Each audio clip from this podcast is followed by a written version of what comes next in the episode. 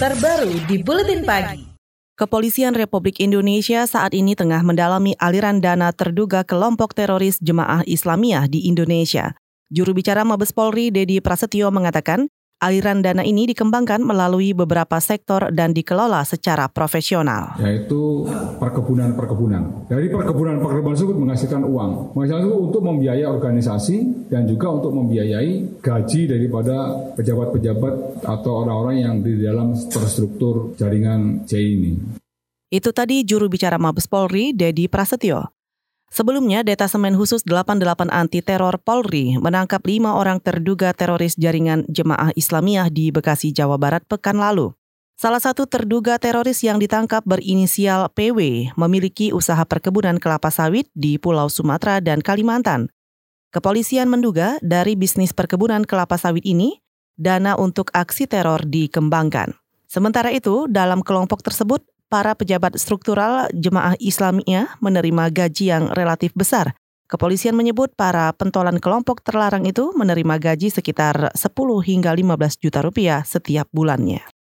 Menyikapi tertangkapnya pimpinan jemaah Islamiyah dan terungkapnya sumber dana jaringan teroris di Indonesia, Badan Intelijen Negara mengungkapkan dana jemaah Islamiyah di Indonesia terus berkembang.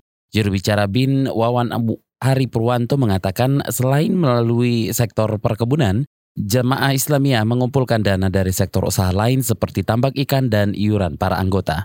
Dulu zaman CI yang pertama dulu memang mayoritas dari luar negeri. Tapi yang sekarang ini enggak. Karena donaturnya sudah banyak yang enggak ada gitu ya. Di dalam negeri macam-macamnya sih perorangan, simpatisan. Juru bicara BIN Wawan Hari Purwanto tidak merinci berapa aliran dana aksi teror yang dikembangkan di Indonesia. Namun ia mengungkapkan dana usaha kelompok teroris yang terkumpul digunakan untuk biaya operasional harian perekrutan pembinaan anggota, pelatihan, simpatisan, serta perakitan bom. Bekas narapidana terorisme kelompok Al-Qaeda, Sofyan Sauri, mengatakan modal usaha jamaah Islamiyah di Indonesia untuk pendanaan aksi teror berasal dari donatur luar negeri.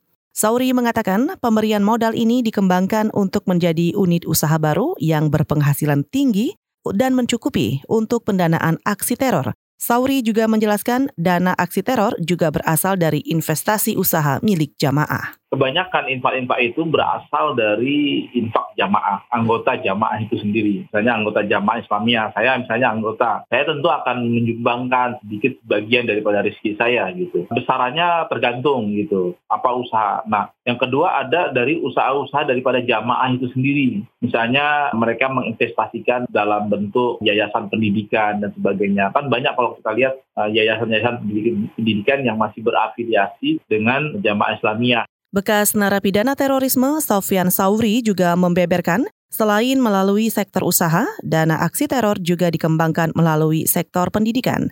Menurutnya saat ini masih terdapat beberapa lembaga pendidikan yang berafiliasi dengan jaringan teroris.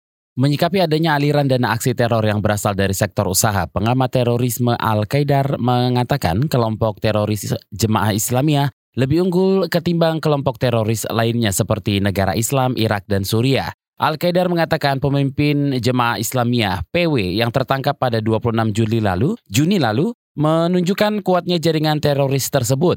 Al-Qaidar menjelaskan adanya bisnis perkebunan kelapa sawit menunjukkan jemaah Islamiyah serius dalam melaksanakan aksi teror dan mendirikan negara khilafah memang mereka itu kan jauh lebih canggih daripada kelompok kelompok ISIS ya. Mereka punya unit usaha, mereka bomnya juga lebih canggih, kemudian banyak dokter-dokter yang bergabung di dalam organisasi mereka. Biasanya kecanggihannya kayak gitu. Pengamat terorisme Al-Qaeda menambahkan unit-unit usaha yang dimiliki jemaah Islamiyah berstatus legal. Al-Qaidar menambahkan topangan ekonomi tersebut bisa berdampak secara luar biasa terhadap keamanan Indonesia karena bisa dipakai untuk membiayai operasi terorisme. Berkaitan dengan adanya aliran dana kelompok teroris Jemaah Islamiyah, KBR menghubungi Kepala Pusat Pelaporan dan Analisis Transaksi Keuangan atau PPATK.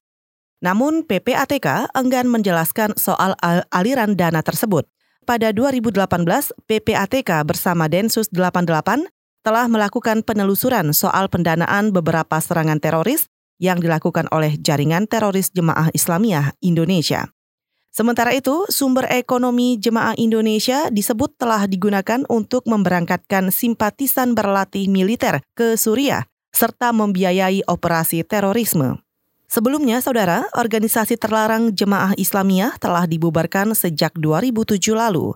Organisasi ini tidak mati, namun terpecah menjadi dua, yaitu Neo Jamaah Islamiyah yang berafiliasi pada ISIS dan Jamaah Islamiyah yang berafiliasi pada Al-Qaeda.